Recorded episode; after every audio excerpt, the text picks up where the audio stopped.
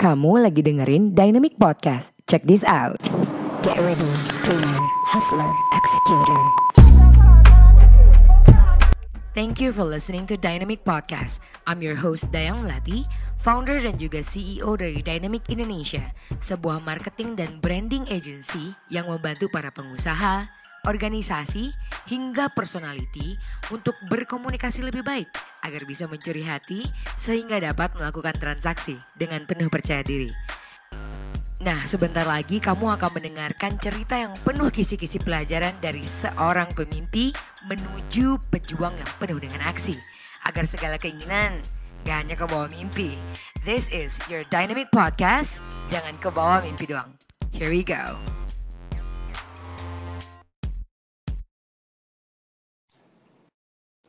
Welcome people, this is Dynamic Podcast with your host Dayang Lati and you are listening again and again. Always Dynamic Podcast.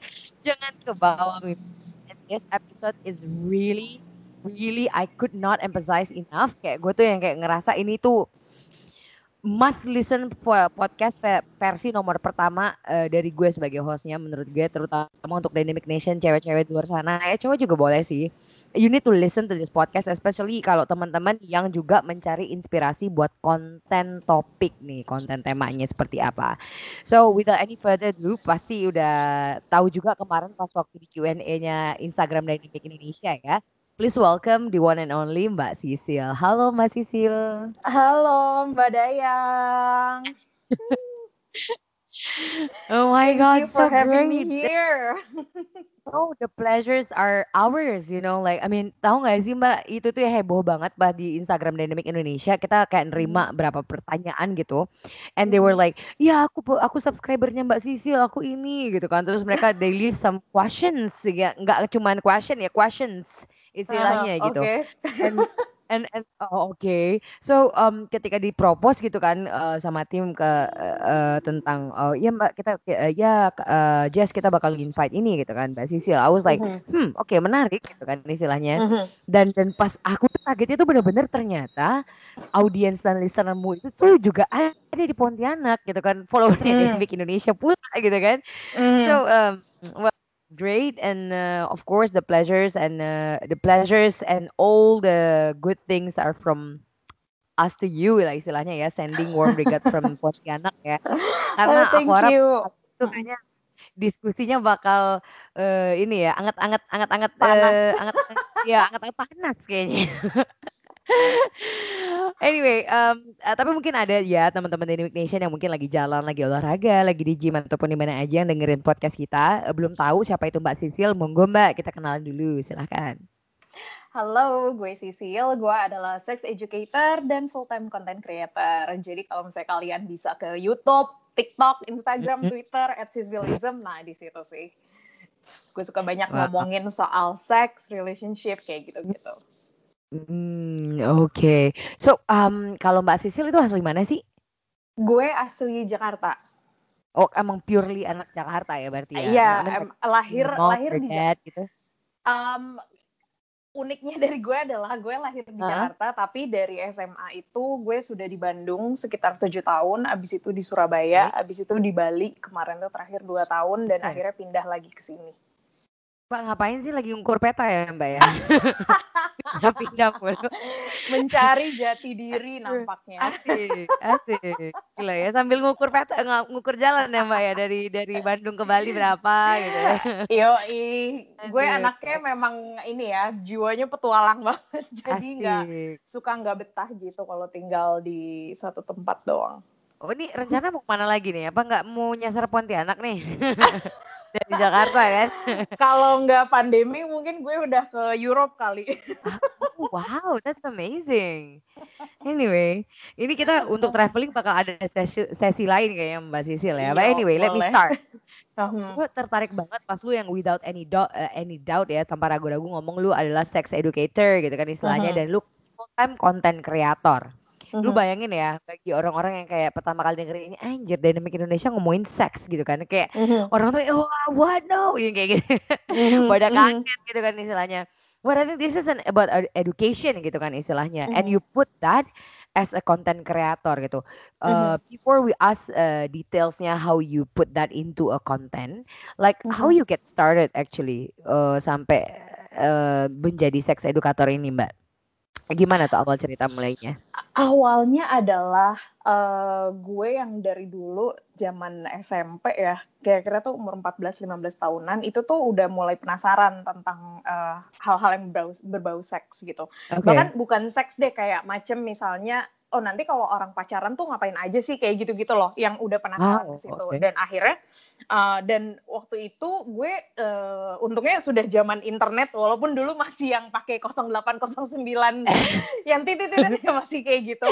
Tapi Oh uh, my god. udah Oke. udah ya kan dulu zaman itu terus um, udah mulai uh, sering baca-baca artikel dan segala macam dan akhirnya gue semakin penasaran. Dan waktu itu sempat nanya ke orang tua terutama ke nyokap ya.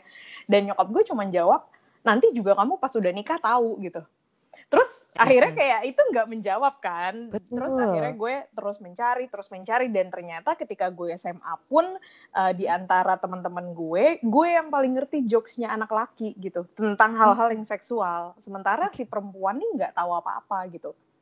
And then I was asking myself, wah kok malah cewek nggak tahu apa-apa gitu? Loh kalau Hmm, dibegoin hmm, sama cowok gimana? Gitu loh. Akhirnya Oke. Uh, along the way semakin gue tumbuh gede dan akhirnya gue mikir kok nggak ada ya uh, content creator atau influencer-influencer pas zaman Instagram awal-awal kok nggak ada yang ngomongin kayak ginian gitu. Akhirnya uh, Iya. daripada gue nungguin kan di YouTube juga nggak ada sama sekali yang bikin video uh, yang friendly atau yang enak buat ditonton Mhm. gitu. Akhirnya daripada gue nungguin uh, influencer step up, Iya. orang lain step up, ya udah deh gue coba gitu ya. Eh ternyata video gue viral Oke. Hmm. gitu. Jadi karena apa namanya akhirnya dari viral itu gue mikir ih gila ternyata orang-orang pada demen gitu Iya, pada iya. demen dan akhirnya mulai muncul kan banyak masuk pertanyaan gitu dari pertanyaan yang amat sangat basic hingga pertanyaan yang menurut gue rata-rata basic sih sampai pertanyaan Iya. yang kayak tentang mereka yang menikah gitu yang Hmm. sudah menikah bahkan nanya ke gue gitu terus kayak oh my Iya. god segitu tidak tahunya gitu orang Iya. sini tuh terhadap seks dan komunikasi dalam uh, hubungan gitu akhirnya ya Hmm. udah gue melanjutkan lah sampai akhirnya dua tahun kemudian jadi seperti ini gitu Wow, ini kemarin yang ke ini berapaan Mbak? Yang ini kan uh, akunmu yang Sicilism itu uh, it was banned ya. I mean like I don't Iya, know something iya, happened iya. and it was berapa itu followernya? 77 ribu. Crazy. Dan ini Mhm. udah 6.300. I think it's the first time I check out ya. Gue baru by, by the way Mhm. baru follow back lagi nih Mbak. Bukan follow back sih maksudnya baru follow Mhm. bagi Mhm. uh, follow follow Mbak Sisil ya. Ini Sicilism 2.0 ya guys. Itu Mhm. kemarin 5.000 sekarang udah 6.000 aja ya. Mbak, Mbak jaga lilin di mana Mbak bikin kon- bikin itu se- kayak gitu Mbak. Boleh tuh Mbak. Tips-tipsnya nanti. But anyway, Gila ini asik-asik banget nih Mbak Sisil anaknya. And tadi Mbak Sisil ngomong ini out of curiosity terus kayak ngeliat kok nggak ada sih edukator di luar sana yang ngomongin tentang hal itu gitu ya Mbak ya. Mhm. Cuman kan gimana sih approach-nya gitu loh istilahnya em, dari sisi ini ya, dari sisi curiosity-nya Mbak dan ditu- dituangkan menjadi eh, sebuah konten. Nah itu prosesnya kayak gimana ya Mbak ya? Tenang guys, Yang kita bakal tanya tentang hal-hal lain. Tenang, bentar, bentar, sabar. Gak tahu kenapa nih kayaknya yang denger kayaknya langsung bergejolak gitu kan. Tenang, sabar guys. yang Emang pertama tuh eh, gue sebenarnya nggak ada background sama sekali dari bidang medis atau psikolog ya. Oke. Um, dan uh, the way I started karena gue suka baca sih.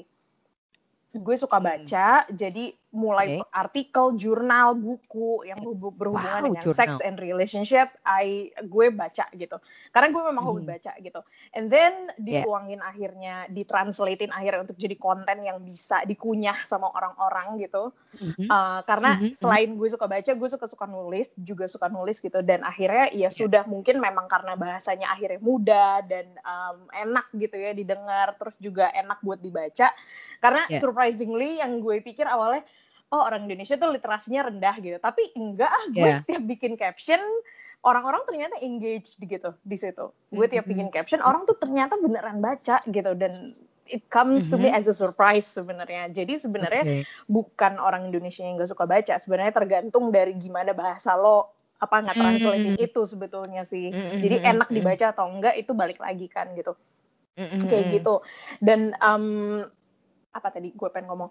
Um, iya itu Ini sih. enak dibaca atau enggak? Iya iya iya enak dibaca apa enggak. Terus abis itu ya udah eh apa ngetranslatinnya setelah itu adalah oh gue kan ngomongin seks. Jadi Mm-mm. kalau mau awal mulai buat ngomongin itu ya pertama berani dulu sih. Harus ada keberanian di situ Oke, oke, oke, wow. sebelum lo kayak mulai untuk jadi ya ngomongin seks gitu karena kita tinggal di Hmm. Iya. negara yang majoritinya Islam kan gitu Iya, iya, awalnya iya. lumayan lumayan ngeri juga Eh, sih tapi- awal Ngomongin ngomongin hal kayak gitu ya, gue pengen tahu deh. Mm-mm. Em, tadi lu bilang kan kayak kalau mayority Islam, which is eh, kebanyakan emang nggak ini ya, nggak terlalu open, literally tentang ngomong seks gitu kan. Tapi apakah di, di agama lain juga sama? Aku eh, curious aja ya, apakah di Kristen, di Katolik, Mhm. di Buddha, are they comfortable talking about sex in public as well? I don't think so. Kalau menurut gue rata-rata sama sih. Cuman kan Hmm, karena menurut oke. gue kayaknya ini budaya juga ya, bukan Oke. terlepas dari agama ya, budaya gitu. Hmm. Jadi kayak eh, dari dulu kan eh, istilahnya perempuan tuh harus dijaga sampai nanti menikah kayak gitu-gitu. Kayaknya terlepas Iya. dari agama eh, rata-rata kayak gitu ya. Cuman yang eh, cuman yang gue dapetin berbeda adalah ketika gue di Bali ada beberapa orang yang percaya kalau ketika sebelum menikah itu tuh baiknya perempuannya hamil dulu gitu. Ada beberapa orang yang percaya dengan itu. Mhm. gitu. Jadi di Hindu di Bali kayak gitu sih. Jadi malah kebalikannya. Gimana orang sebelum nikah kenapa? Jadi orang sebelum, eh, jadi kayak misalnya pasangan nih, eh, pas pacaran itu tuh kalau bisa hamil dulu sebelum nikah. Jadi harus tahu kalau si perempuannya ini bisa ngasih keturunan atau enggak gitu. Make Oh sense? kan? my god, oke. Iya, jadi itu yang gue This temuin berbeda sih. Jadi di Bali kayak gitu ya? Oh my god. Uh, oke. beberapa doang ya, beberapa gitu. Ada Alright. beberapa yang masih, Oke. uh, ada beberapa yang uh, percaya kalau oh nggak nggak perlu nanti aja pas udah Hmm. nikah biar tahu. Eh, maksudnya untuk menjaga perempuannya, tapi juga ada yang percaya seperti itu gitu. Jadi beberapa beberapa culture-nya, beberapa keluarga percaya kayak gitu sih. Itu yang gue find it different dibanding dengan Pulau Jawa ya. Oke. Aku uh, surprised, alright. Karena itu this is new thing for me as well. I never Uh-huh. heard about it. Oke, Mhm. fine. so intinya tadi guys, uh, pasti kita udah omongin uh, gimana lo bisa translate things like your knowledge ataupun anything that you like to make into a content gitu kan, to help Mhm. people with tuh. Gue paling suka tuh statementnya Mbak Sisil yang ngomong, iya gue tuh ngerasa banyak cewek-cewek yang nggak tahu tentang seks, terus gue tertarik, terus gue pengen bantuin mereka biar tahu, biar nggak dibego-begoin sama cowok gitu kan. Menurut aku itu Mhm. udah strong way yang luar biasa banget gitu. Jadi kan Iya. kebanyakan tuh Mbak di Dynamic eh, karena Dynamic Indonesia itu kan marketing dan branding agen- agency ya. Jadi kita tuh kan bikin konten, bantuin teman-teman bikin Mhm. konten, identify digital asset mereka gitu kan istilahnya Mhm. biar bisa menyampaikan pesan mereka secara jelas. Pada bingungnya di bagian yang Mbak Sisil jawab dengan sangat mudah gitu yang kayak, ih gue bikin konten apa ya yang literally gitu loh yang kayak, ya Ah. lu you, how do you start a, start a brand without any mission gitu kan istilahnya without any Mhm. objective itu kan weird ya Mhm. jadinya ya kayak taunya gue cuma Mhm. jualan jualan jualan gitu kan Mhm, alangkah mhm. indahnya kalau ada yang kayak gue jualan jilbab biar wanita-wanita yang berjilbab dua celana terlihat cantik kayak terlihat apa Mhm. kayak itu kan kayak lebih strong way-nya lebih indah Iya. gitu ya Iya pasti dong. Kalau menurut gue untuk memulai sesuatu you have to know the why first. Hmm, Sebelum yes. ke apa yang harus gue jual ya lo harus tanya dulu kenapanya, kenapa Iya. lo harus jualan itu. wow that's amazing high five dong Mhm. mbak aduh Iya. kita harus ketemu kalau gue ke Jakarta. Aduh, tas banget lama ini pokoknya. So, uh, talking about because you are a sex education, right? I think you Mhm. encounter kayak uh, mungkin bikin konten pun sometimes itu a little bit positif, uh, po- apa namanya, a little bit bukan positif sih, sensitif lah istilahnya ya. Mhm, iya. Um, ada yang merasa offended, ada yang mungkin um, ah, macem-macem lah mungkin Mbak Sisa hadapin. Tapi yang paling berat apa sih problem yang kamu hadapin Mbak ketika bikin konten dari tahun berapa tahun ya Mbak? Lima tahun ya berarti ya? Enggak anjir dari 2018. Berapa tahun sih? Oh, 18 lumayan lah ada dua tahunan itu apa sih Ah. problem yang problem gede yang lo dapetin terus how do you overcome it? Eh, yang paling berat mungkin eh, komen negatif ya. Ah, Komen negatif sih, komen negatif karena em, dan komen yang jadinya mengobjektifikasi. Karena uh, ya gitu sih tantangannya kalau misalnya ngomongin soal seks kan orang orang awam ya mungkin ngiranya adalah oh gue perempuan yang gampangan gitu gue gampang diinin kayak gitu gitu loh. Jadi Oh, negatifnya iya, iya. seperti itu. Jadi kadang suka nerima komen-komen atau kayak DM yang I don't know it's uncomfortable. Cuman it's Biasa somehow negara plus dua mah gitu ya. Cuman somehow kalau nggak dihujat terus. Iya benar. Cuman somehow it is expected ya dari awal ketika gue memulai. Untungnya gue memulai Iya. di umur yang eh, apa? Di umur yang memang sudah cukup dewasa gitu. Maksudnya ka- karena gue Iya. awal memulai, eh, gue tahu resikonya ketika untuk ketika ngomongin seks gitu di negara yang seperti ini, gue tahu resikonya, tahu konsekuensinya. Oh pasti ada orang yang akan komen negatif, pasti ada orang yang akan nggak sepikiran gitu. Jadi gue sudah tahu di awal tuh apa jelek-jeleknya kayak gitu dan ketika mendapatkan itu ya ya Ah. sudah sudah diekspektasikan gitu loh kayak Ah. oh ya emang kayak gitu gitu jadi ya Ah, udah gitu. Heeh.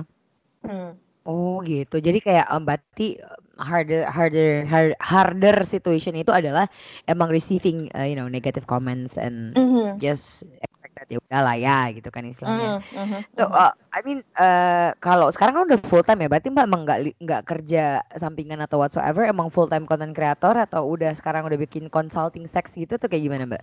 Sekarang Ya, udah clear ya? dulu gue eh, ya, Oke. dulu gue buka eh, kayak curhat gitu sih tapi eh, udah setahun dan akhirnya Ya. sekarang berhenti sebentar mungkin nanti akan mulai lagi sih Heeh. tapi ya full time full time content creator Aku yang paling menarik pas dengerin hal kayak gini tuh apa lah mbak? Yang kayak aku takut yang dirimu dihujat kayak gitu dan people, you know, requesting weird things. Pernah nerima kayak gitu nggak, mbak? eh requesting weird things ya ada aja cuman nggak nggak nggak nggak akan nggak akan gue respon juga sih males banget Mm-mm. Mm-mm. iya Mm-mm. Mm-mm. Jadi emang literally ya udahlah I don't care gitu istilahnya ya. Eh, iya dari itu. benar Em, aku sih Mbak merasa emang itu adalah jawaban yang paling cocok buat orang yang minta aneh-aneh ya istilahnya ya. In this creative i- i- creative world yang anyway. Um, so uh, Mbak, kalau aku i- pengen tanya lagi nih emang literally mengenai uh, sex and relationship ya. Apa Mhm. sih yang yang yang em, apa tuh namanya? Apa sih yang ngebedain em, apa tuh namanya yang ngebeda ah no no the most problem yang problem yang paling sering di Mbak terima selama menjadi sex educator dan relationship ini apa Mbak? Em, masih sama dari dulu sampai sekarang gue masih sering banget dapat pertanyaan soal eh, ini masalah keperawanan gitu.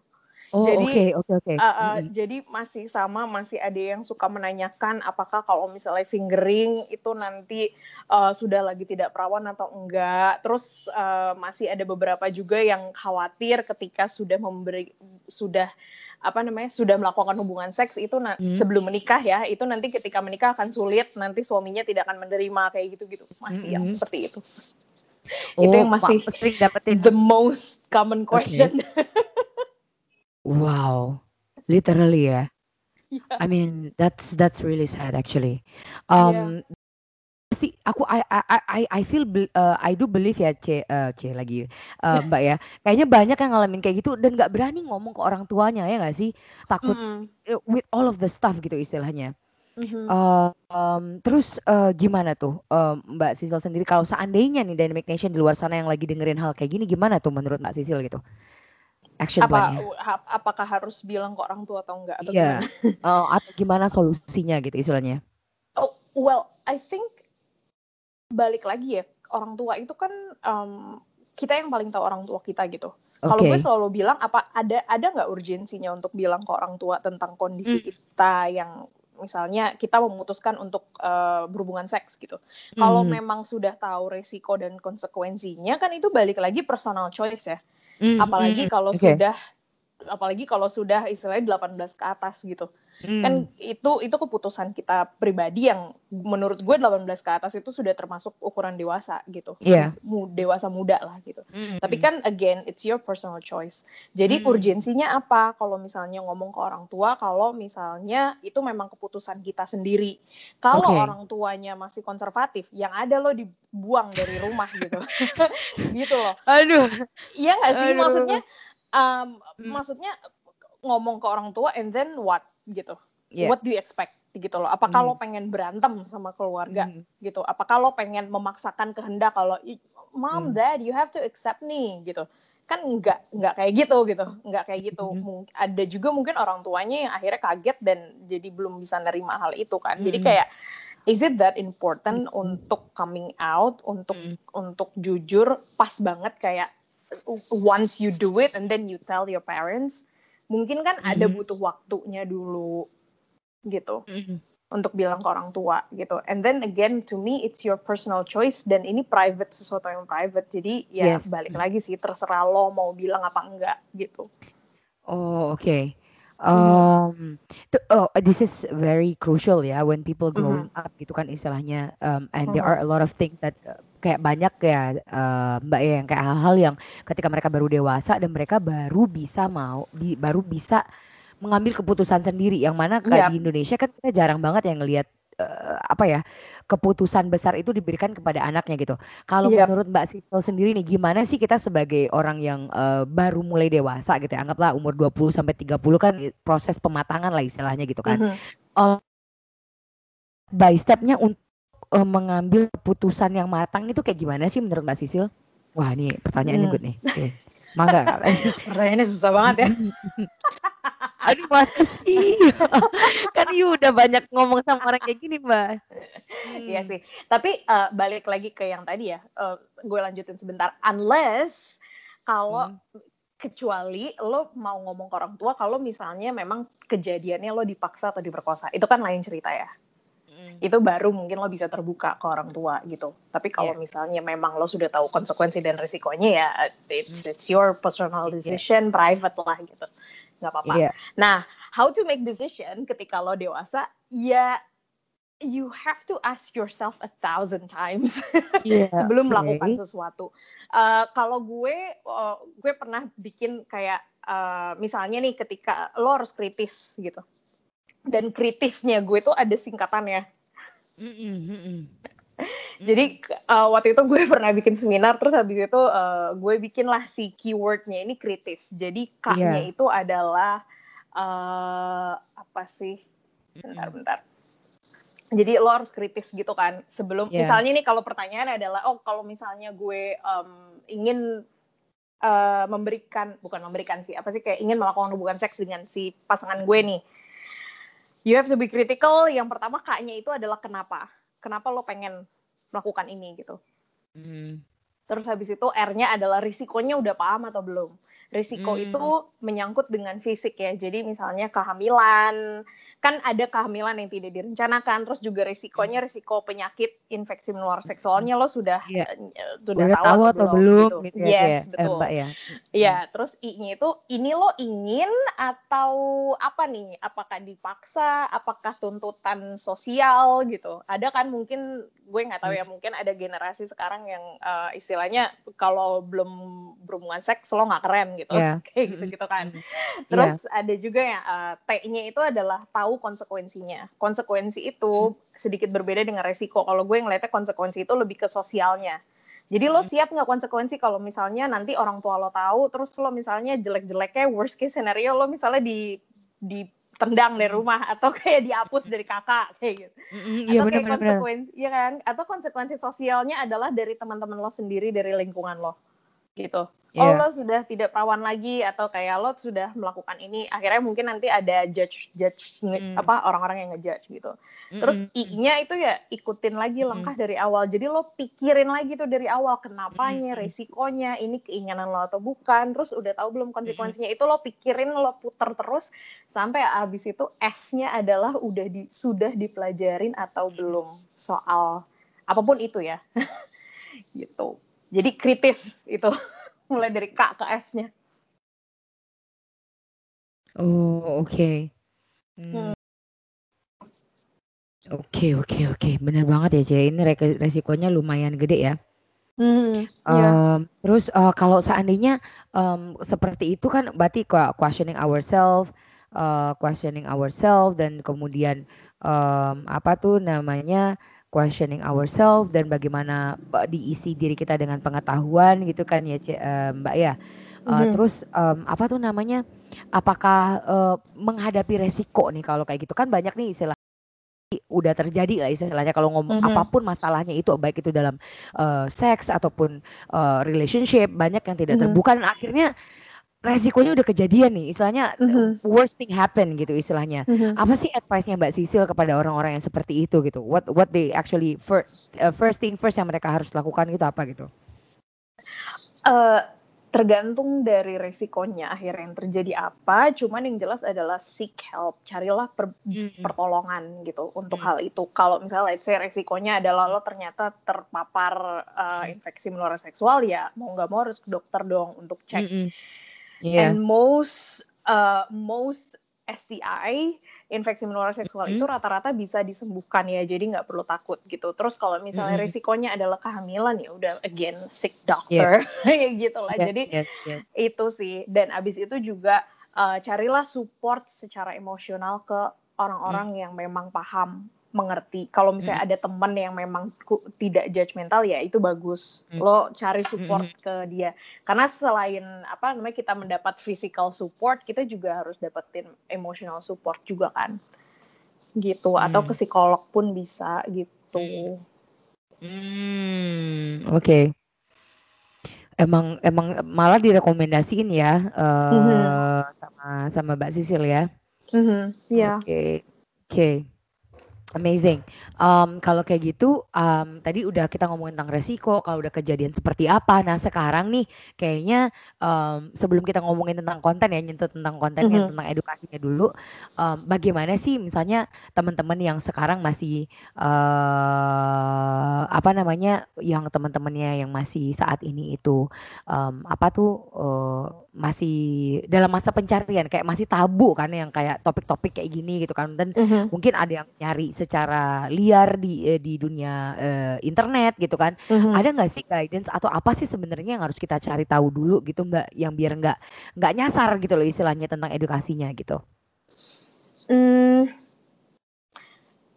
kayaknya nggak ada langkah ini ya, nggak ada langkah hmm. konkret gitu untuk yeah, belajar uh. gitu. Karena aku rasa Uh, let's say kita mau ke Cina, kan jalan menuju Cina itu macam-macam.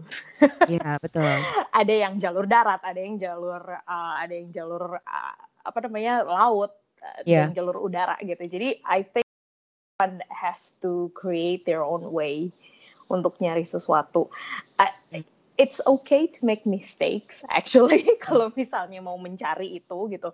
Toh mm -hmm. gue dulu ketika belajar uh, akhirnya menemukan apa namanya jawaban-jawaban dari pertanyaan gue, hal yang pertama pertama dari artikel gitu. Terus habis yeah. itu gue juga akhirnya ngelihat orang melakukan hubungan seks apa kayak gimana sih selain melihat film film-film Hollywood, gue juga mm -hmm. apa ngubek-ngubek uh, film porno gitu. Jadi kayak mm dan dan ngelihat film pornonya tuh kayak ngeliatinnya belajar gitu kayak oh oke okay, mm. ini gitu ya tapi abis itu udah abis itu ke yang lain lagi abis itu ke buku abis itu ke jurnal abis itu ke podcast gitu jadi mm. macem-macem macem-macem jadi uh, I think there is no right way or wrong way you just mm -hmm. have to do it your way I see. As long as kayak not breaking the morals and and and, yeah. and um, maybe regulations yang kayak gitu-gitu yeah. ya, Mbak ya. Uh, uh, uh, asal okay. kan ini kan maksudnya emang pencarian untuk diri lo sendiri gitu ya. Asal nggak mm -hmm. nyoba sesuatu yang membahayakan untuk diri sendiri, I think that's fine. Mm -hmm.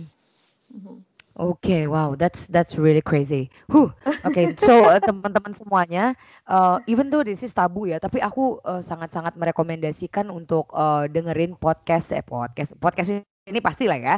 Uh, mm-hmm. uh, subscribe ke YouTube Mbak Sisil dan juga follow Instagramnya Doi. Anjir itu banyak banget kira-kira yang bisa dipelajarin di situ. Dan kayaknya lebih terdirect gitu ya. Hal-hal yang dianggap tabu di situ teman-teman bisa tonton dan pelajari sendiri gitu. So I would like mm-hmm. to say honestly from woman thank you ya Sil ya udah bikin konten yang sangat bermanfaat gitu istilahnya untuk teman-teman cewek luar so now talking about the content ya. So we were talking mm-hmm. about the sensitive stuff just now gitu kan dari yang sebelum kena, udah kena, terus sekarang mencarinya seperti apa. Nah, now I want to bring you uh, to the to the content content creation part gitu kan. Mhm. So you been going from uh, dari 2018 until Yep. now udah bang kena ban gitu. Itu kenapa sih itu? Dari 70 ribu langsung musnah kayak gitu. Kenapa mbak? Eh, ini actually kedua kalinya sih aku di band. Yep. Udah dua kali kejadiannya. Iya, ini yang kedua Oke. kalinya. Oke. Eh, kalau yang pertama itu gara-gara mass report. Kalau yang kedua ini aku kurang tahu sebenarnya gara-gara apa. Karena emang nggak ada nggak Oh, ada, ada yang report. pemberitahuan. Aha. Kalau yang dulu tuh ada yang report. Jadi dulu tuh Oke. gue kayak sempet digosipin, dijulitin di kayak akun gosip gitu loh, kayak semacam lambe turah gitu deh. Ya. Oke. Gara-gara Aha. gara-gara konten-konten Luar biasa gue. ya ngomongin ini langsung digosipin loh. Luar biasa. Iya, ini. makanya kan dulu tuh tahun berapa 2019 kalau nggak salah. Mm-mm. Gitu. Terus habis itu eh, tapi akhirnya balik. Akhirnya balik dengan Oke. dengan akun yang sama gitu. Nah, sekarang akun yang sama di ban lagi, tapi yang sekarang gue nggak tahu. Oh, Gara-gara alasannya apa. kenapa gitu ya? Iya, nggak tahu. Apakah karena eh, mungkin memang beberapa kali gue dapet warning gitu sih karena kontennya. Karena Instagram kan sensitif banget ya AI-nya. Um, dan konten gue itu banyak yang kayak Iya, foto-foto Betul. Menjaga kulit gitu. community ininya gitu ya. Iya, iya kan betul. guidelines-nya ini Mm. banget. Terus foto apa gue yang gue upload itu kan banyak juga foto-foto yang kayak misalnya uh, kulit gitu. Yang kelihatan kulit Mm. atau mungkin kayak slight nipples kayak gitu-gitu. Jadi mungkin sensitif dan akhirnya ya udah beberapa kali dapet warning ternyata di take down juga akunnya. Bisa jadi karena itu sih. Ah, Oke, that's tough. That's pretty tough. Oke, so mm, gila sih Mbak lu. Tapi perjuangan sih kayak gitu ya. Eh, Juga Ya. berarti eh, emang ada yang report and emang eh, kita harus ngikutin guideline gitu ya. So Iya, misalnya iya. kalau aku pengen tahu nih di kalau konten yang agak tabu dan sangat riskan, maksudnya ini kayak jalan di atas ini ya, kayak eh apa tuh? Kayak berjalan di atas kaca yang tipis apa es yang tipis gitu kan bikin konten di Iya. sini dikit-dikit lapor. Ternyata udah dua kali guys ke kejadian kayak gini. Iya. So, how do you bisa sharing nggak gimana proses pembuatan kontennya Mbak Sisil? How like Um, step by stepnya you make the content? Hmm, planning yang jelas ya. Harus ada planning dulu. Jadi eh, biasanya tuh gue ada planning bulanan atau mingguan gitu.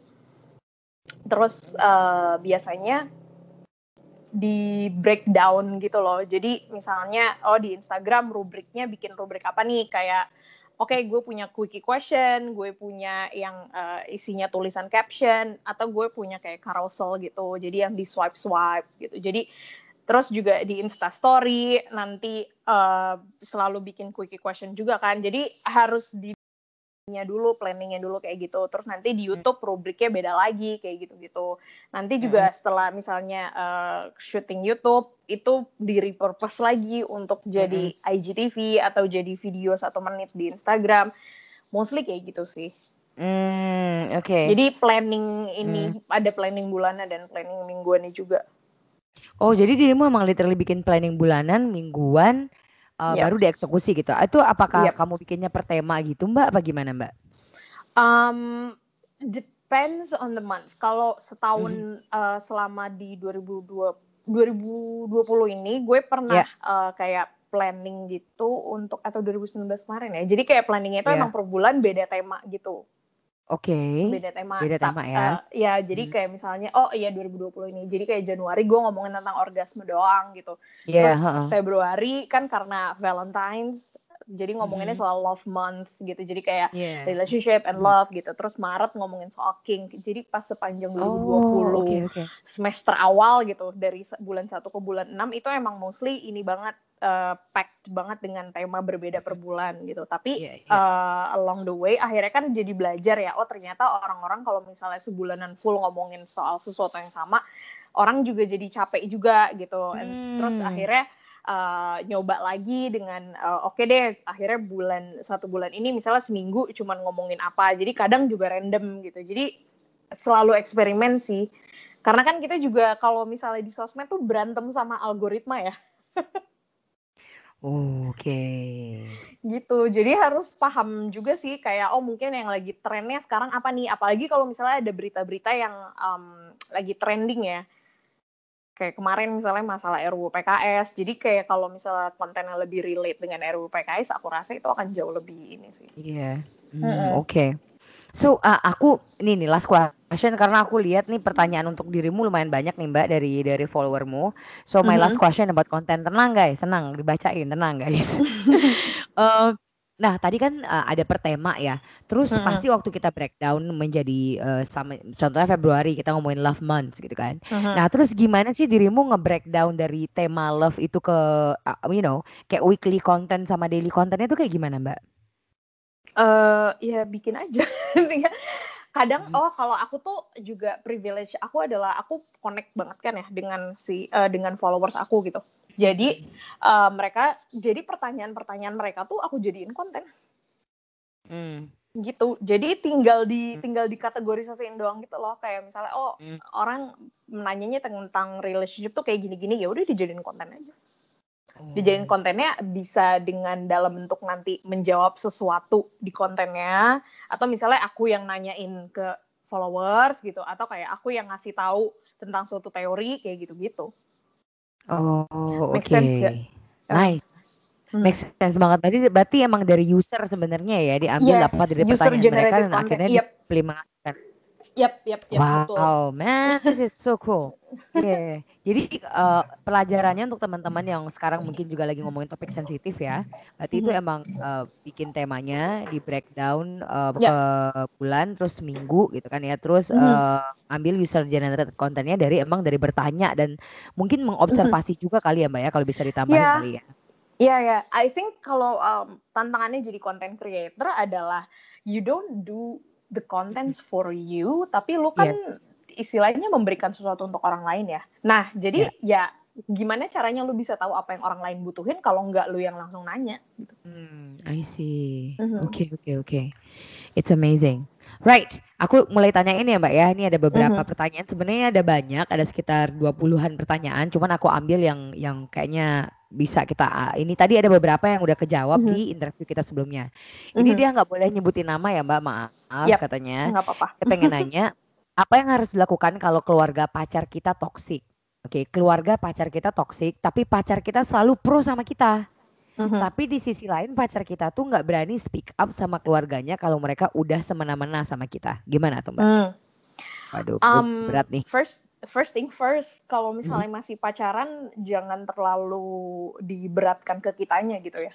Oke. Okay. Karena kan ini belum ke jalur yang serius banget. Let's say menikah gitu ya, belum sampai ke jalur situ. Jadi kalau gue rasa kalau masih pacaran ya udah take it easy, take it slow. Um, kalau misalnya memang keluarga pacar nggak suka sama kita, jaga jarak aja. Hmm. Jadi kitanya juga kasih boundaries ke diri kita karena kadang kalau misalnya kita yang terus-terusan um, jadi apa kompromi terus ke yeah. pacar, ke keluarganya jadi kita yang harus fake dengan jadi baik kan capek ya, draining juga yeah. ke kitanya. Jadi Betul. mendingan jaga jarak aja. Jadi kayak ya udah gue di sini pacaran sama lu bukan pacaran sama keluarga lu gitu. Hmm, tapi ngefek nggak sih Pak kalau seandainya kita pengen mengarah ke hal yang lebih serius gitu? Kayak ke jenjang pernikahan bukannya kita katanya katanya nikah itu adalah nggak cuman kita yang kawin sama orangnya tapi we also married to to families gitu. Itu True. Kalau misalnya sudah mau menikah ya berarti beda lagi cerita dong. Ah, mau nggak mau, iya kan? Kalau misalnya udah nikah ya berarti harus ada kompromi dari dua-duanya, dari pihak si perempuannya juga, uh, dan juga dari pihak keluarganya maunya apa nih dan Jangan juga dari pihak gitu ya yes dan yeah. juga dari laki-lakinya ini arwah juga harus ngebantu dong solusi yeah. solusi dari lo apa lo bisa nggak nengah, nengahin kita bertiga nih kan hmm. berarti ada tiga bubble nih iya yeah. gitu jangan nanti hmm. yang malah jadi fighting cuman si ceweknya doang ya kan jadi kayak yeah. si ceweknya try to fit in di keluarganya kan capek ya kalau nggak ada dukungan dari si calon suami Iya. Gitu. Wow. Iya sih, setuju, setuju, setuju banget mm. aku. Alright, so kita move ya Mbak ya. Ini banyak pertanyaan mm. yang lucu-lucu juga dan juga agak sensitif ya Mbak ya. Nanti yang yang yang yang agak sensitif nanti kita DM aja ya ke Mbak Sisi ya. Ini lumayan nih aneh-aneh aja nih orang-orang nanyanya. Aduh, nah ini Mbak, uh, menurut aku ini boleh sih uh, kita angkat di sini karena dia ngomong mm-hmm. gini. Mbak, Mbak Sisil apa sih menurut Mbak Sisil nggak aku bacain lagi ya Mbak ya untuk jaga privasinya si yep, itu. Yep, yep. Uh, Mbak Sisil gimana sih menurut Mbak Sisil tentang feminisme? Oke. Okay. Um, I think feminisme itu jauh lebih baik ketimbang sistem patriarki karena um, istilahnya feminisme ini kan berusaha menye me menyeimbangkan dan menyamaratakan uh, role masing-masing ya dari perempuan yeah. baik itu perempuan atau laki-laki dan gue rasa menyama menyamaratakan atau menyamadengankan itu tidak sama dengan oh perempuan harus sama dengan laki-laki yang enggak juga mm -hmm. gitu setiap orang pasti kan namanya perempuan dan laki-laki itu punya mm -hmm. pro, apa pros and cons-nya masing-masing ya yeah. punya mm -hmm. uh, punya positif negatifnya masing-masing jadi gue rasa yeah. Um, it's great karena akhirnya ada pihak yang fighting untuk diri mereka sendiri gitu yeah, paham yeah, sih kayak wow. feminisme itu kan mm -hmm. tentang fighting uh, untuk diri kita sendiri gitu bukan yeah. it's fighting for the greater good bukannya yeah. untuk me menjelekan salah satu pihak kayak gitu sih iya yeah. Setuju, gitu. setuju banget sih aku. Wuh, nice. Aku sependapat by the way sama Mbak Mbak Sisil. Nih, ini ini Mbak yang nanyain uh, yang tadi aku tanyain tuh loh Mbak, yang kenapa akunmu di blog itu sampai ini ada sampai enam orang tujuh orang. Pernah nggak diperingatin or carrier dan kayak di boykot uh, atau apa gitu sama pihak-pihak luar? Tadi udah dijawab ya mbak. Mas mbak dan mas mas yang nanya udah dijawab ya tadi ya. Ini menurut aku nih bagus nih. Ini dari akun titik-titik sekian pokoknya ujungnya dia 24 aku uh-huh. takut nih ntar aku juga di ini dia nanya Kak Sisil gimana sih cara nge-influence circle sekitar kita biar paham tentang seksualitas nah ini lumayan hmm. bijak nih pertanyaannya uh, start with ourselves. Jadi hmm. kalau misal um, kadang orang itu kan di sekitar misalnya kalau gue rasa sih kalau misalnya orang sekitarnya konservatif banget gitu ya, yeah. bisa dengan dimulai dari diri kitanya yang terbuka untuk ditanyakan apa pun. Jadi hmm. jadilah jadi kayak kitanya dulu nih yang bisa yeah. bikin orang lain nyaman dengan diri kita sebelum mereka bisa terbuka tentang seksualitas atau masalah-masalah seksual mereka gitu mm, mm, mm, ya kan mm, jadi kayak kita yeah. harus jadi space yang aman kita harus kita harus jadi mangkoknya dulu sebelum orang yeah. lain mau numpahin airnya ke kita gitu mm, -hmm. gitu Sesimpel itu ya Mm-mm, sesimpel itu. Lo harus bikin orang lain nyaman dulu, baru habis itu ya dengan udah bikin orang lain nyaman, terus mereka misalnya mikir, oh ternyata cerita kalau lo enak ya tentang apa pun. Akhirnya kan orang lain mulai mulai nyaman ya cerita tentang hal-hal seks gitu. Dan akhirnya yeah, lo juga jauh yeah, yeah. lebih gampang untuk menginfluence mereka tentang seks positif kayak mm. gitu. I see. Ini aku pertanyaan terakhir ya Mbak ya, karena ini durasi uh-huh. kita juga aku ntar dikat sama sama broadcasting manager kita ini. Uh, pertanyaan terakhir dia lumayan agak aku ambil yang agak sensitif dikit biar teman-teman okay. juga tahu. Uh, Mbak Sisil, oh sorry dia bukan bilang Mbak. Ntar aku klik dulu ini aku lupa. Oke, okay, Kak Sisil uh, bagaimana cara uh, cara menanggapi dan tanggapannya Mbak Sisil uh, Kak Sisil sendiri mengenai hyper hyperseksual? Uh, hmm. aku baru tahu nih seksual apa? Duh, harus belajar banyak nih. Oke, gimana tuh Mbak? Well, hyperseksual itu kan um, kelainan ya. Istilahnya hmm. ini benar-benar tingkat adiksi yang uh, nggak uh, bisa lagi dibendung gitu. Jadi um, kalau misalnya yang paling common itu kan orang udah kecanduan narkoba mereka nggak bisa hidup dengan narkoba gitu ya. Kayak harus ada terus gitu. Akhirnya mereka ngelakuin apa pun menghalalkan segala cara untuk dapetin narkobanya. Nah hypersex juga sama. Kalau misalnya dia sudah sangat adiktif banget terhadap hmm. seks dan kadang juga nggak bisa dikontrol karena mungkin I don't know something is wrong with the brain gitu. Some parts of the brain yang memang terganggu akhirnya dia nggak bisa lagi um, mengambil keputusan jernih. Jadi kalau misalnya kayak lagi kerja atau lagi meeting atau lagi podcast kayak gini, terus yang kepikiran tuh, aduh, gue pengen cepet-cepet ini nih, cepet-cepet hmm. masturbasi atau pengen cepet-cepet nonton film porno atau pengen cepet-cepet ngelakuin hubungan seks gitu. Jadi udah nggak bisa lagi berpikir clear. Ini ini tuh udah bener-bener kelainan ya. Jadi memang hmm. butuh pertolongan gitu, butuh pertolongan yeah. profesional.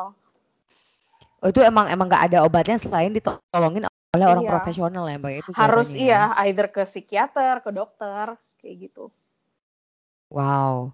Mm-hmm. Ini by the way, aku aku ngerasa ini pengetahuan aku juga harus ditambahin. Aku aja baru denger nih apa itu hypersexual by the way. Hmm, so sad. Guys, untuk semua orang di luar sana jangan pernah malu dan takut untuk bertanya dan tahu akan hal-hal ini karena ini bermanfaat yes. banget ya sih ya.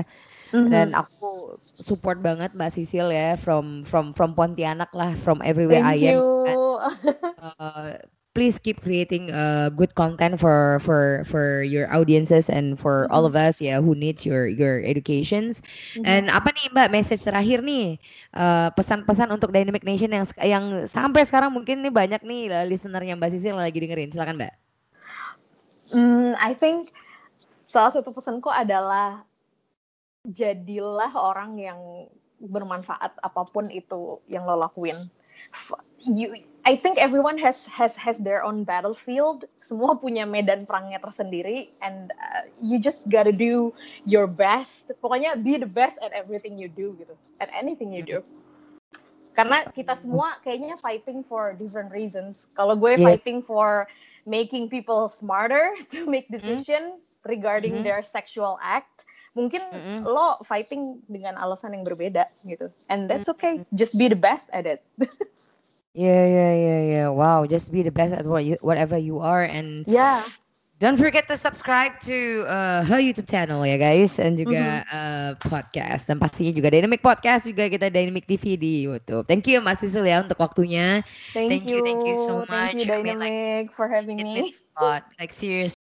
We believe in you and you you really need to carry on with what you're doing, Mbak Sisil. Mm, thank you, thank you, thank you. you. Seriously. Thank you. yes. Semangat Mbak Sisil itu aja. Saya Dayang Melati, host untuk kali ini. Mau uh, undur diri dulu kalau ada kata-kata yang salah Uh, dan juga uh, apa ya pamitnya biasanya kayak gini ya. Saya Dayang Melati dan Ulang deh, ulang, ulang, ulang. Oke oke kita ulangin ya guys ya. Aduh ini adalah akhir dari episode kita kali ini di Dynamic Podcast. Jangan ke wifi doang. Aduh asik nih Mas Sisil nih anak-anaknya kocak nih kayaknya nih. So this is the end of our uh, interview today and uh, we will be back uh, with a new episode. But for this episode today is really highly recommended recommended for all of you. Then please don't forget to share to your friends ya. Um, This is genuinely gua sincerely recommend ini banget dan follow Mbak Sisil di Instagram dan juga YouTube. Saya Dayang Melati. Saya Sisil. Oke. sampai Oke, ketemu Bang. di next. sampai ketemu di next episode. Thank you Mbak Sisil. Bye semuanya. Thank you, Assalamualaikum. bye.